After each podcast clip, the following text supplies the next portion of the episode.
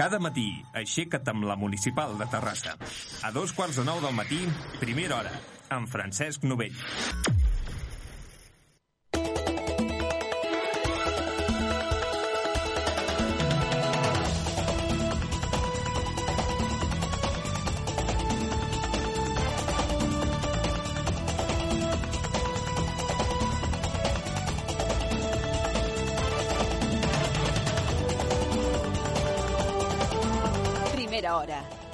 Ràdio Municipal de Terrassa, primera hora.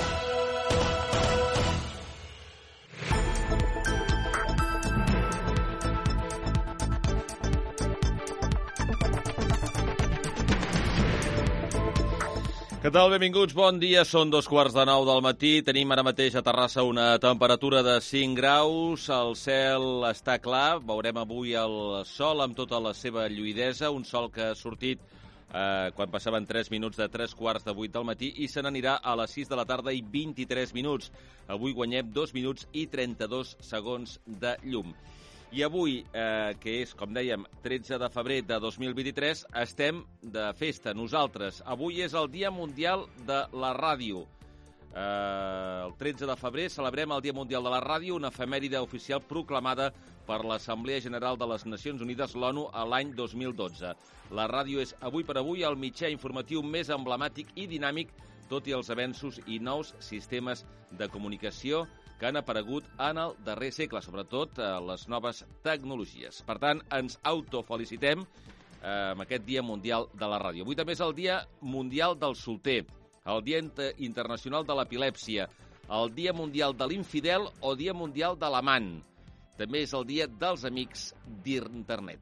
Entrem ja en matèria. Un home ha mort aquest diumenge a Badia del Vallès després de rebre un tret quan eren eh, dins d'un cotxe. Els fets han passat cap a les 11 del matí al número 7 del carrer Saragossa, molt a prop d'una caserna de la Guàrdia Civil. L'agressor anava en una moto robada eh, dissabte a Mataró i ha fugit en direcció Sabadell, segons han explicat alguns testimonis als Mossos d'Esquadra que l'estan buscant. A Sabadell hauria abandonat la moto al límit amb Barberà del Vallès i hauria agafat una furgoneta en direcció Barcelona.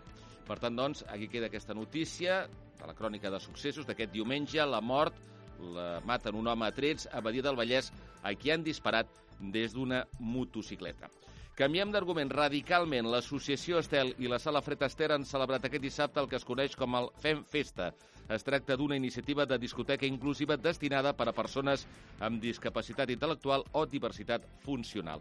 Escoltem el que deia el eh, responsable de la Sala Fred Astaire, eh, Maranyon. I quan veus aquesta, aquesta gent que s'ho està passant tan bé, no, no té preu. Dir, la veritat és que la veritat es emociona. emociona. Tothom que entra aquí pues, té d'estar pues, amb els seus monitors, tothom identificat. Hi ha gent que molts d'ells no saben on són i eh, també es poden perdre, i llavors té de ser un control molt exhaustiu. No? Cada associació que ve porta els seus monitors, Estel reforça més monitors i a partir d'aquí estem fent un control perquè això sigui un èxit i tingui una continuïtat. L'associació Estel, encarregada d'ajudar les persones amb risc d'exclusió social, ha coordinat com en cada sessió aquest tipus i a través d'un eh, telèfon de contacte i d'un mail l'aforament i l'acompanyament o no dels usuaris. Més coses, el Sex Education Film Festival en la seva tercera edició ja és història després d'acomiadar-se aquest dissabte al teatre principal amb les darreres activitats. El certamen ha tornat a estar adreçat al públic adolescent però també adult. Té els detalls Pau Aguilera. El Sex Education Film Festival ha posat el punt i final a la seva tercera edició a la ciutat de Terrassa.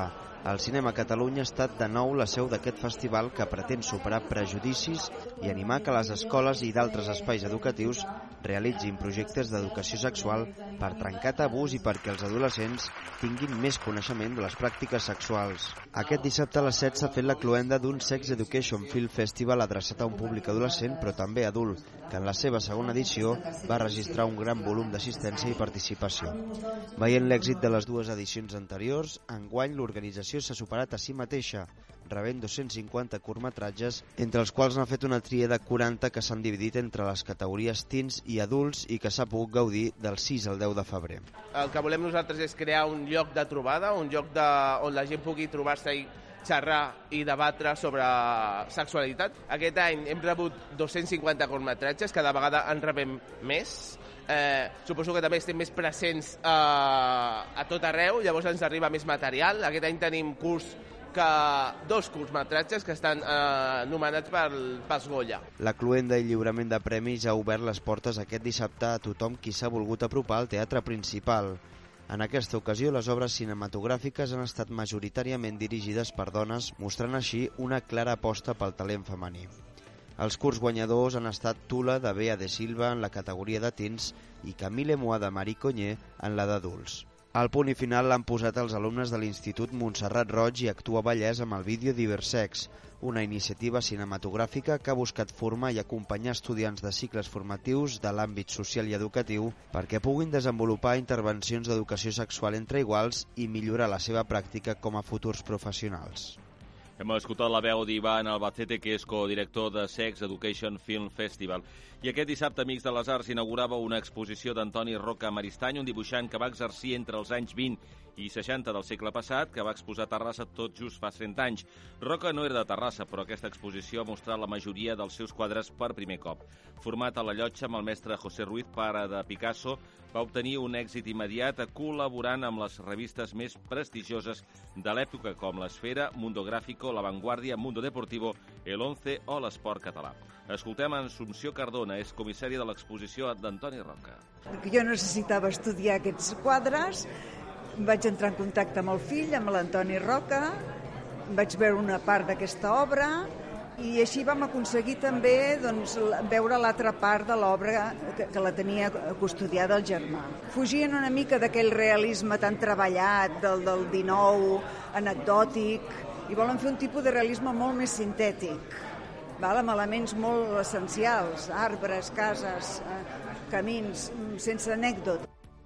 Pel que fa a la informació més general, ja portem una setmana del terratrèmol de Síria i Turquia. De moment el balanç que continuarà pujant de ben segur, malauradament, és de 33.000 morts al terratrèmol a Síria i Turquia, on encara hi ha rescat miraculosos. El govern turc fa les primeres atencions de constructors i promotors immobiliaris just quan hi ha hagut l'últim rescat després de més de 150 hores sota la runa.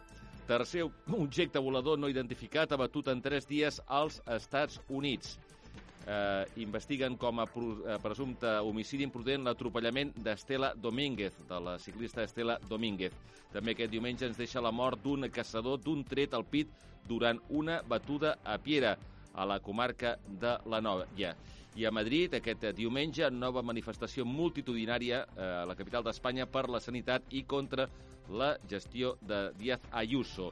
Eh, segons els organitzadors, s'han concentrat al voltant de la Cibeles més de 250.000 persones. I pel que fa als esports, el Barça guanya 0-1 al camp del Villarreal, ara li treu 11 punts el segon classificat, que és el Madrid, que encara té un partit pendent que jugarà aquesta setmana contra l'Elx. Pel que fa a la segona federació, hem de parlar de la segona derrota consecutiva de la Terrassa Futbol Club. En aquest cas ha estat al camp del Formentera per 2 a 0. També derrota del Sant Cristóbal a Can Anglada davant del Sant Andreu per 1 a 2 en partit de la tercera federació. En parlarem avui, com cada dilluns, amb el Miqui Romagosa, 8 i 38 minuts. Viva la ràdio, visca la ràdio.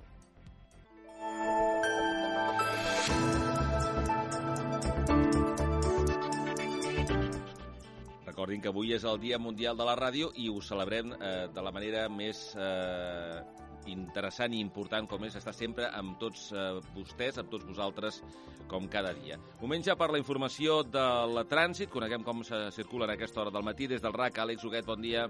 Molt bon dia. Dues incidències actives a aquesta hora. Una a la Ronda de Dalt, a Cornellà, en sentit nord, on ja s'ha reobert el carril tallat, però hi ha 3 quilòmetres de cues, i l'altra a la C-17, al tram de Montcada i Reixac, en sentit sud, on també s'ha tallat part de la via i hi ha més de 2 quilòmetres de congestió. Altres cues destacades del matí són els més de 6 quilòmetres entre Sant Feliu i el Papiol a la B23, la C58 a més de 5 quilòmetres ja en els dos sentits a Montcada i Reixac i també ha afectat a aquesta hora, com sempre, el tram de Barberà del Vallès a la P7. I a banda de la incidència a la B20, queden cues a les dues rondes, als trams habituals en sentit Llobregat. És tot des del RAC. Molt bon dia.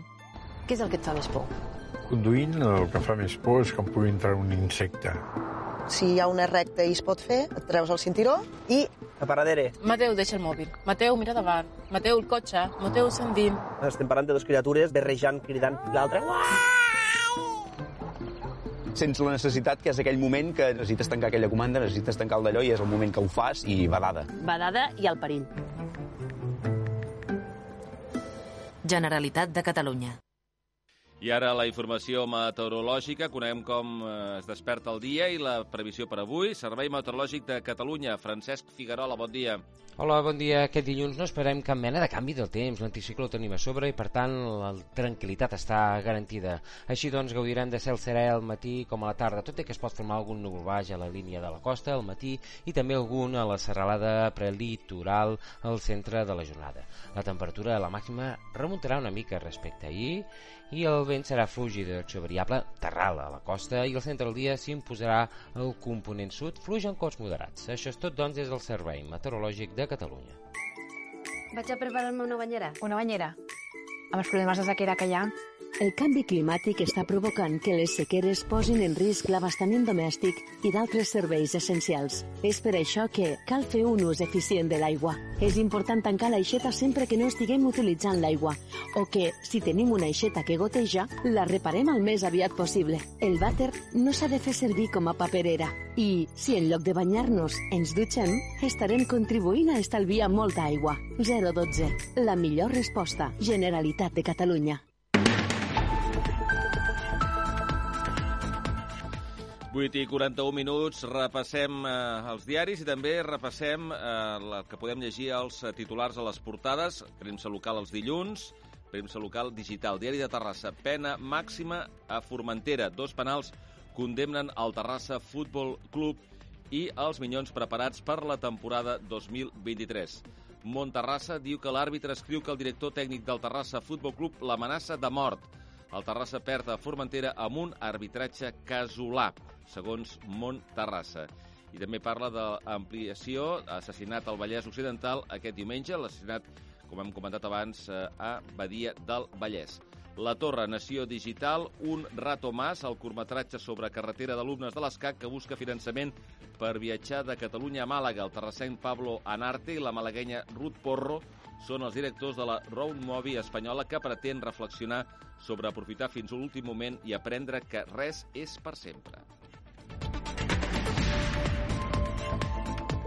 I ara tenim la premsa generalista, la que s'edita a Barcelona. En primer lloc, La Vanguardia diu que un de cada cinc delictes es cometen a internet. Eh, és el titular curt i ras, de fet ocupa tota la portada. Avui és el Dia Mundial d'Internet i per això també La Vanguardia es vol unir a aquesta jornada. El Parlament eh, s'ha gastat 3,9 milions d'euros en premis de jubilació. És el que podem llegir a la portada del diari Ara. 10 als funcionaris han cobrat de mitjana 100.000 euros cadascun quan s'han retirat. El subsidi consisteix en un any sencer de sou si s'ha treballat a la cambra un mínim de temps. I el pla de Franco per fer que Madrid superés Barcelona. Fa 70 anys la ciutat es va anaccionar a 13 municipis. Al punt avui, la salut de ferro del comerç de proximitat. Barcelona aspira a la capitalitat europea del comerç tradicional.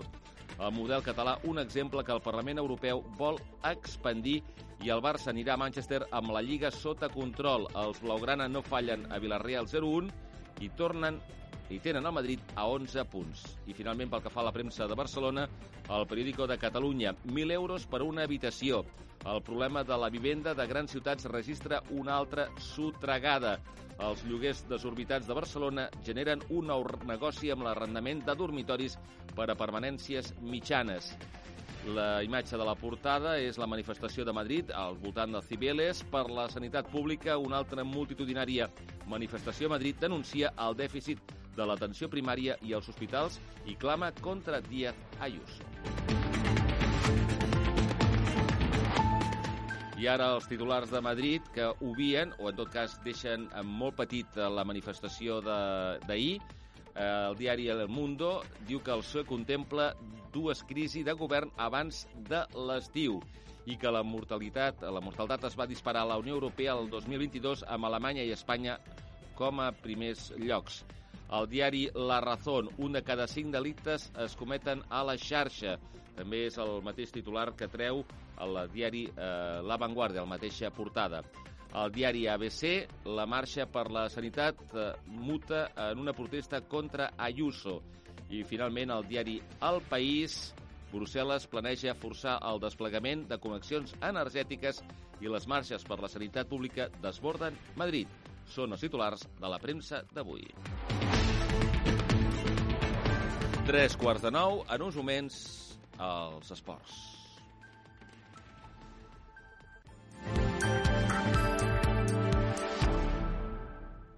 Encara que siguis de plàstic. Te'n recordes? I qui no? L'envàs on vas fa 10 anys. Des d'aleshores, famílies, empreses i institucions reforcem cada dia el nostre compromís amb el reciclatge. Per això, durant aquests 10 anys, hem incorporat nous sistemes com el porta a porta o els nous contenidors intel·ligents per reciclar més i millor i perquè el futur del planeta encara és a les nostres mans. 10 anys després, reciclem més. Residuenvas.cat Generalitat de Catalunya. Funerària de Terrassa és l'empresa municipal de serveis funeraris de la teva ciutat.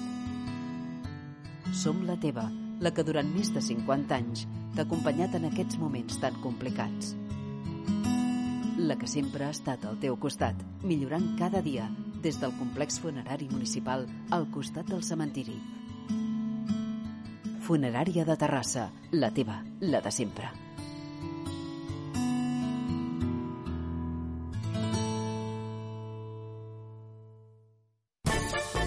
Vine al Cinema Catalunya. En el infierno hay una planta reservada para quien desperdicia el whisky. La sala municipal que t'ofereix els millors films al millor preu. Tenemos una situación delicada. Informació i entrades a cinemacatalunya.cat. Ara pots omplir casa teva amb tota la roba que necessites. Tot roba, teixits per a la llar. I trobaràs de tot. Mantes, Nòrdics, edredons, jocs de llit, jocs de taula, tovalloles, barnussos, draps de cuina, coixins... vànoves. A més, per cada compra que facis, et regalem una participació de la Loteria Nacional. Pots guanyar fins a 10.000 euros i pots pagar les compres amb targeta de crèdit. Vine a Tot Roba i ho comprovaràs. Estem al carrer Galileu 212 al costat del Parc de Sant Jordi, Terrassa.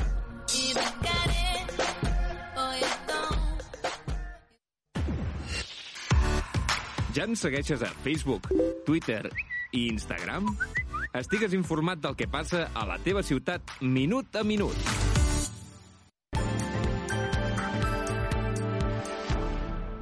Vuit i 47 minuts abans de passar als esports teníem pendent encara un dia per la història. Avui ens remuntem a un 13 de febrer de l'any 1999.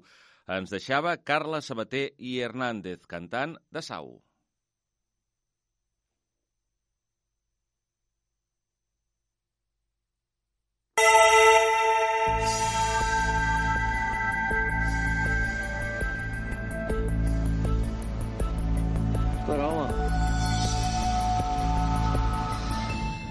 13 de febrer de 1999, la mort sobtada del cantant del grup Sau, Carles Sabater, va commocionar la cultura catalana.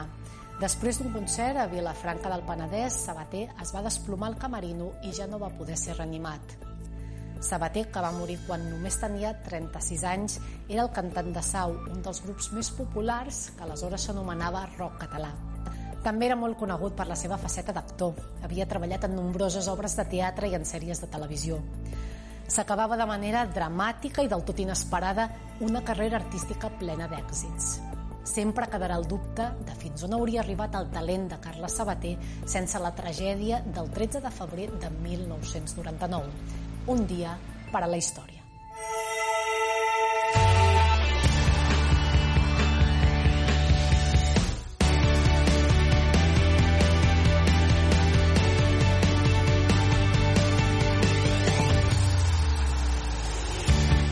Vuit i 49 minuts. Miqui Romagosa, més conegut com el Miqui de la ràdio. Felicitats, bon dia. Molt bon dia, Francesc. Moltíssimes felicitats també per tu. Moltes gràcies. La veritat és que avui és un dia, un dia especial, avui. Exacte. El Mundial de la Ràdio. Un dia molt especial per tots aquells que escoltem i estimem la ràdio de tota la vida. Una ràdio que l'han enterrat tantes vegades, Miqui. És que, vaja, eh, quan tu i jo encara havíem de néixer, ja estava... Deien que tenien els dies comptats amb l'aparició de la televisió. eh, va aparèixer a la televisió en blanc i negre, primer, res de res. Més tard va aparèixer als anys 80 a la televisió en color. Oh, això a la ràdio ja està. Res de res. Eh, darrerament han aparegut els telèfons mòbils, les noves tecnologies, eh, i, i res. La ràdio continua més viva que mai. Totalment. O sigui, la ràdio mai, mai deixarà de perdre aquesta, aquesta màgia, aquesta immediatesa, i la veritat és que a tots ens agrada i sempre ens diuen, no?, la, la típica frase, encara us poseu nerviosos a fer ràdio? Home, són nervis bons. Exacte. I si això no passa, doncs alguna cosa va malament, no? O sigui que la veritat és que visca la ràdio i avui doncs sens dubte fa que el dilluns sigui una miqueta més fàcil. Ah, exacte, sí, perquè és dilluns 13 i dius, ui, dilluns, des... venim del cap de setmana, ahir. Però, escolta, hem de, de... Res, una felicitació molt cordial a tots els nostres companys i companyes de professió i també, evidentment, als nostres oients, perquè sense ells no seria possible, doncs, eh, això, fer ràdio, eh, que és el que estem fent en aquests moments. I ara, Miqui, per explicar a la nostra meravellosa audiència eh, com ha estat el cap de setmana de, esportiu a nivell local, que, vaja, a priori no pinta gaire bé, em sembla. No, no, no és un bon cap de setmana. O sigui que sort del Dia Mundial de la Ràdio per posar una mica de somriure, un somriure aquest uh, dilluns, no? Però no ha estat un cap de setmana gaire positiu i tenim moltes derrotes, moltes derrotes, alguna victòria, però sí. la veritat és que avui parlarem de, de molta derrota, sí. Segona derrota consecutiva del Terrassa Futbol Club a la segona federació. En aquest cas ha estat al camp del Formentera per 2 a 0. Els gols dels illencs arribaven a la segona part i tots dos de penal després d'una bona part de l'equip agarenc, d'una primera bona part, que va ser incapaç de batre la porteria local. Una llàstima perquè el Terrassa doncs, eh, viatjava a Formentera amb, doncs amb, amb pocs efectius, no? De fet, no va poder completar la convocatòria de 16 jugadors i després d'una bona primera part, el Terrassa es va trobar amb aquests dos penals que, que van sentenciar el partit i fins i tot el tram final es va quedar amb un home menys per l'expulsió de Lucas Vinya. La veritat és que ahir, doncs, repassant una mica els resultats, doncs el Terrassa amb una victòria hagués pogut tornar a la zona de promoció. Però bé, ara mateix el, el Terrassa el que ha de fer doncs és primer resoldre el tema de la permanència, ara són 7 punts sobre la zona de descens, i quan estigui ja resolt el tema de la permanència, doncs ja pensarem en altres objectius i ara també, lògicament, doncs passa per, per recuperar jugadors que, que no estan al 100% i que, i que fan doncs, que aquesta situació ara mateix doncs, sigui complicada pel Terrassa. Recordem que el Terrassa va viatjar amb 15 jugadors i un d'ells era del filial, Mar Marcos Ordoña. Eh, el Terrassa encara és setè a la classificació amb 30 punts, se situa a dos de la zona de play-off descens que marca precisament el Formentera, és a dir, que si el Terrassa hagués guanyat, ara tindria 33 eh, i estaria eh, en solitària en zona de, de play-off. Si et sembla, podem escoltar el que deia al final del partit eh, Jordi López, de l'entrenador del Terrassa. Bé, dolenta, evidentment. Uh, al final... Uh, bueno, descontents, descontents com ha anat el partit. Uh, crec que bueno, sabíem que era per nosaltres un, una, hi havia una exigència molt gran en aquest partit. Uh, crec que no hem tingut aquesta exigència durant 90 minuts i, i en aquesta categoria, si no uh, tens aquesta exigència durant 90 minuts, doncs uh, no, no et val, no et serveix les paroles de, de Jordi López. I què és el que va passar amb el director esportiu del Terrassa amb l'àrbitre, Miqui? Doncs segons ha, ha dit l'acte arbitral no, de, de l'àrbitre del partit, doncs va, va rebre doncs, a, suposadament amenaces i també doncs, a, algun insult no, pel, per part del, del director esportiu de, del Terrassa Futbol Club. Eh, aquesta tarda intentarem doncs, a, esclarir una mica la situació, però la veritat és que és un, és un capítol, és una situació que, que no ens agrada gaire i, i bé, doncs eh, hem vist que s'han fet ressò moltíssims mitjans de comunicació i bé, veurem a veure doncs quina és la, quina és la situació que, i quina és la decisió també que, que es pren no? amb, amb, aquesta, amb aquesta situació. Sí, exacte. L'àrbitre del partit, el madrileny Jorge Acevedo González ha denunciat a través de l'acte aquestes greus amenaces a un dels seus auxiliars per part del director esportiu del Terrassa, Miquel Ezequiel. Veurem com acaba la cosa, però pinta malament d'entrada, eh? t'ho dic per si ho reflexa l'acte. Uh, en fi, uh, canviem de tema perquè hem de parlar també de la derrota del Sant Cristóbal a Can Anglada davant del Sant Andreu per 1-2, tot i avançar-se els locals amb un gol de Mario Cantí. Els barcelonins van poder donar-li la volta al marcador amb un gol de la victòria que arribaria a les acaballes del partit va ser el Sant Cristóbal de les dues cares. La cara bona, la cara positiva, la primera meitat, on l'equip agarenc va passar per sobre del Sant Andreu, i la cara negativa, la segona meitat, que el Sant Cristóbal va desaparèixer, el Sant Andreu va ser més efectiu que l'equip de Dani Andreu i, i va aconseguir la, la victòria. La veritat és que la segona part del Sant Cristóbal va ser força preocupant. Amb aquesta victòria el Sant Andreu referma la segona plaça, el Sant Cristóbal doncs, perd aquesta tercera posició. Escoltem el que deia al final del partit el tècnic del Sant Cristóbal, Dani Andreu. Sí, sí perquè la meva, la meva obsessió des de que vaig arribar és, és això, que l'equip no perdés aquesta, aquest impuls que té a l'hora de treballar per recuperar la pilota i la veritat que la segona part doncs, ens hem deixat dominar massa, ens hem reculat massa, no sé per què, perquè, perquè a mi ja, ja ha passat algun partit més i, i bé, i sobretot la pilota parada molt, molt mal defensada, amb, amb una situació que la tenim parlada i treballada i no l'hem fet i això m'emprenya perquè em sento totalment responsable. En fi, eh, aquí queda aquesta derrota del Sant Cristóbal i hem de seguir parlant d'altres resultats negatius del cap de setmana pels interessos eh, esportius locals, com per exemple en waterpolo, tant en categoria masculina com en femenina. A la divisió d'honor masculina, ensopegada, d'aquelles que no, un a priori fa la sensació que no havia de passar, però ha estat així, a la, pista, a la piscina del Tenerife. Sí, amb empat a 10 al final del partit. Recordaràs que aquesta temporada doncs eh, no es poden empatar els partits, s'han de guanyar o perdre, aquesta norma que s'ha tret tant a la categoria masculina com a la categoria femenina, i si hi ha empat al final del temps reglamentari es llencen penals. Doncs bé, es va arribar amb empat a 10 al final del temps reglamentari i a la tanda de penals 7 a 6 va guanyar el Tenerife Echeide, una derrota doncs, que podríem dir que no entra dintre dels plans del Club Natació Terrassa, però recordem que l'Echeide és un altre dels equips que està als quatre classificats de la Challenger Cup. Per tant, doncs, tot i no entrar en els plans, podríem dir que, que és un dels equips on el Terrassa podria perdre. En eh, waterpolo femení no ha pogut ser, el Club Natació Terrassa eliminat de l'Eurocup, derrota a Budapest.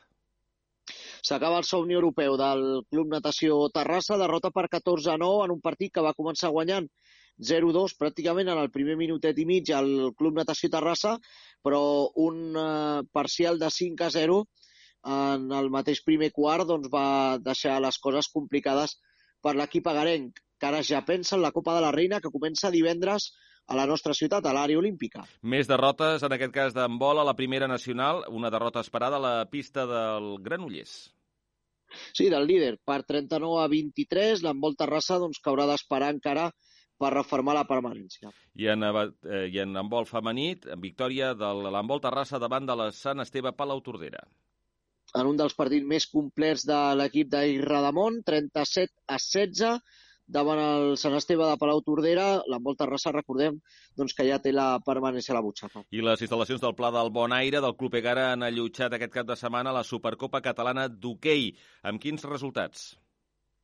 Doncs en categoria masculina, la victòria se l'han portada l'equip local, el Club Egara, que ha trencat aquesta ratxa negativa que portava en les dues edicions anteriors, on no passava de semifinals, ha guanyat el júnior per 3 a 2, i en la categoria femenina, doncs un júnior ple de jugadores agarenques, doncs ha guanyat el Polo per 5 gols a 1. La veritat és que s'ha viscut un cap de setmana de moltíssima activitat, també amb els tornejos de papis i mamis i també la Lliga Hockey Plus. 700 jugadors i jugadores han participat en aquesta competició, en aquest cap de setmana a les instal·lacions de la Gara. Acabem, Miqui, parlant del Barça, que és més líder. Va guanyar 0-1 ahir al camp del Villarreal. Té 11 punts d'avantatge respecte al Madrid. Això sí, el Madrid encara té un partit pendent que jugarà aquesta setmana contra el QE l'Elx. I ara esperar dijous con, jugar contra el Manchester United, que es presentarà al Camp Nou a 3 quarts de 7 de la tarda, eh, platòric de forma, després de guanyar també el seu partit davant del Leeds United. La veritat és que veurem quina, quina és la versió del Barça que, que veurem, no? Si la versió Lliga o la versió Europa, no? Que no és la millor. Ho deixem aquí, Miqui. Uh, us escoltarem aquesta tarda a partir de les 7 en aquest dia de la ràdio a l'àrea de joc. Que vagi bé, bon dia. Que vagi bé, molt bon dia de la ràdio. Bon dia. Ho deixem aquí, Jordi Rueda, control de so, també amb l'assistència tècnica de les nostres estudiants en pràctiques, de la Núria i la Nayara. Que vagi bé, bon dia.